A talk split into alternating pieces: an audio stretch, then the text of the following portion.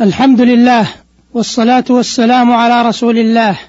أيها المستمعون الكرام سلام عليكم ورحمة الله وبركاته.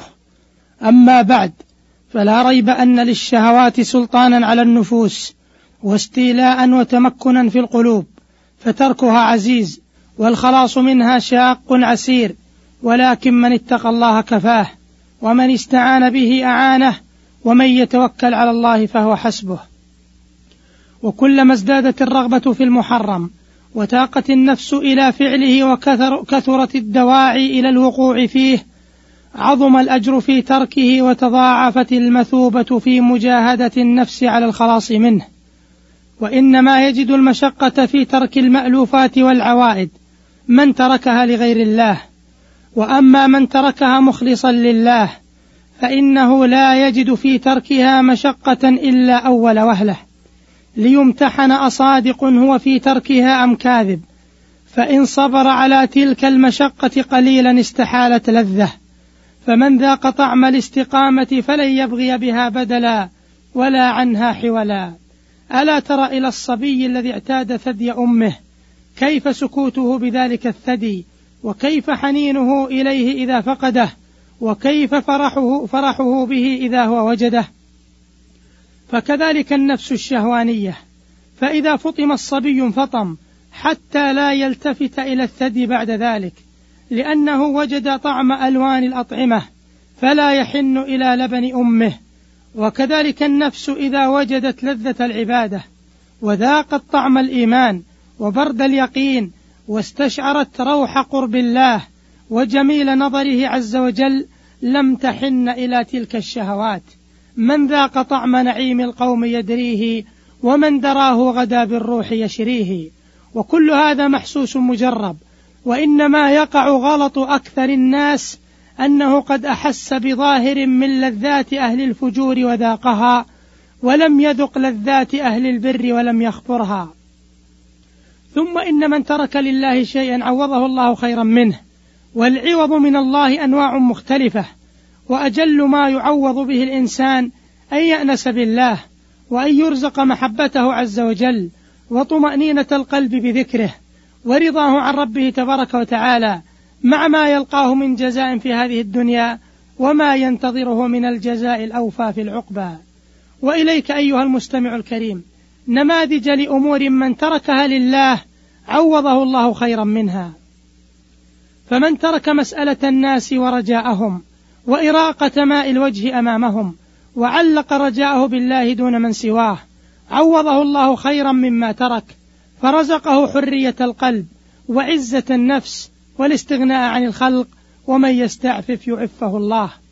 ومن ترك الاعتراض على قدر الله فسلم لربه في جميع أمره رزقه الله الرضا واليقين وأراه من حسن العاقبة ما لا يخطر له ببال.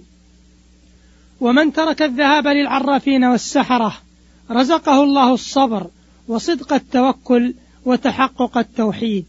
ومن ترك التكالب على الدنيا جمع الله له أمره وجعل غناه في قلبه وأتته الدنيا راغمة. ومن ترك الخوف من غير الله وأفرد الله وحده بالخوف وسلم له نفسه سلم من الأوهام وأمنه الله من كل شيء فصارت مخاوفه أمنا وبردا وسلاما ولم يبق لخوف المخلوقين في قلبه موضع لأنه سلم نفسه لربه وأودعها عنده وأحرزها في حرزه وجعلها تحت كنفه حيث لا تنالها يد عدو عاد ولا بغي باغ عات.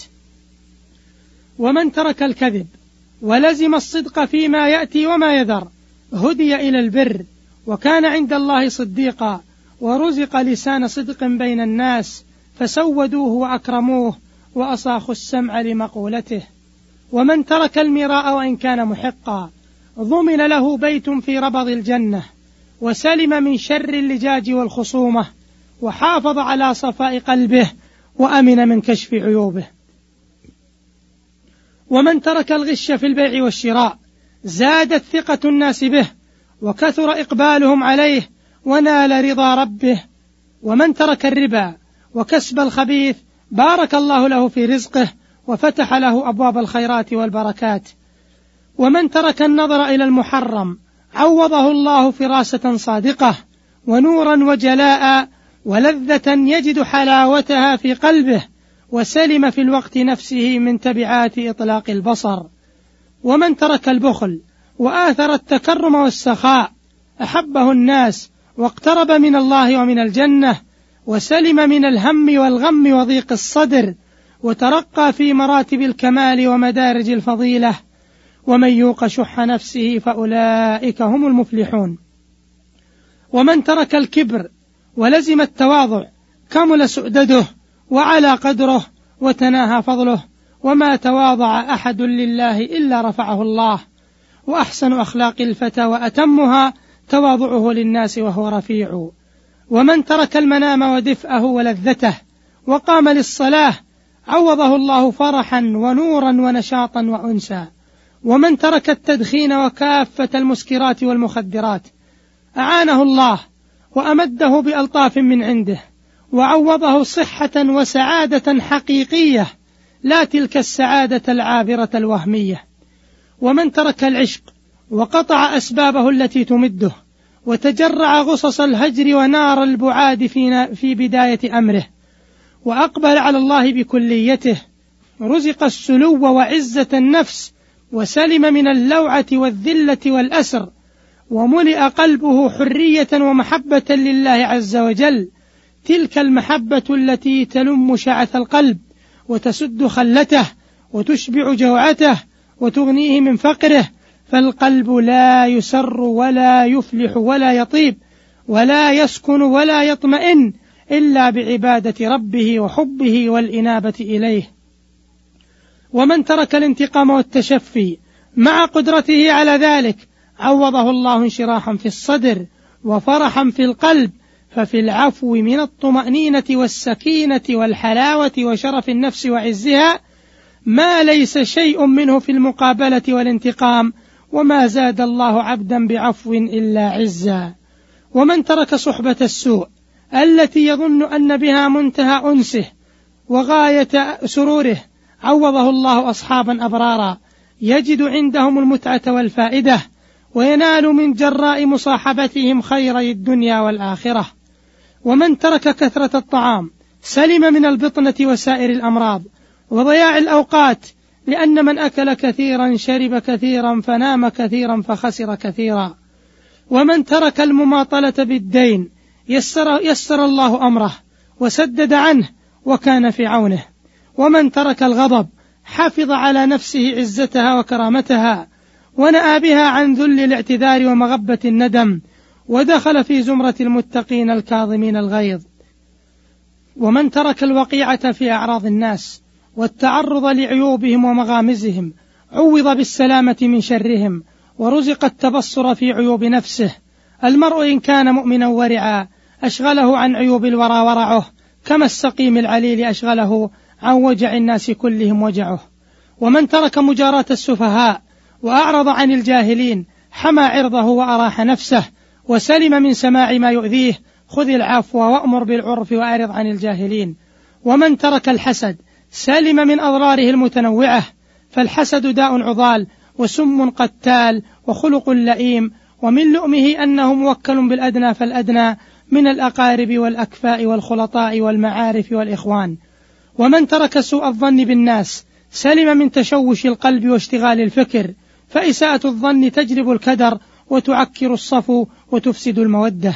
ومن اطرح الدعة والكسل وأقبل على الجد والعمل علت همته وبورك له في وقته فنال الخير الكثير في الزمن اليسير. ومن هجر اللذات نال المنى ومن أكب على اللذات عض على اليد. ومن ترك قطيعة أرحامه فواصلهم وتودد إليهم وقابل إساءتهم بالإحسان إليهم بسط الله له في رزقه ونسأ له في أثره ولا يزال معه ظهير من الله ما دام على تلك الصلة. ومن ترك العقوق فكان برا بوالديه رضي الله عنه وأدخله الجنة ورزقه الله الأولاد البررة في الدنيا. ومن ترك تطلب الشهرة وحب الظهور رفع الله ذكره ونشر فضله وأتته الشهرة تجرر أذيالها. ومن ترك العبوس والتقطيب واتصف بالبشر والطلاقة لانت عريكته ورقت حواشيه وكثر محبوه وقل شانئوه. وبالجملة فمن ترك لله شيئا عوضه الله خيرا منه فالجزاء من جنس العمل ومن يعمل مثقال ذرة خيرا يره. وإلى لقاء آخر والسلام عليكم ورحمة الله وبركاته.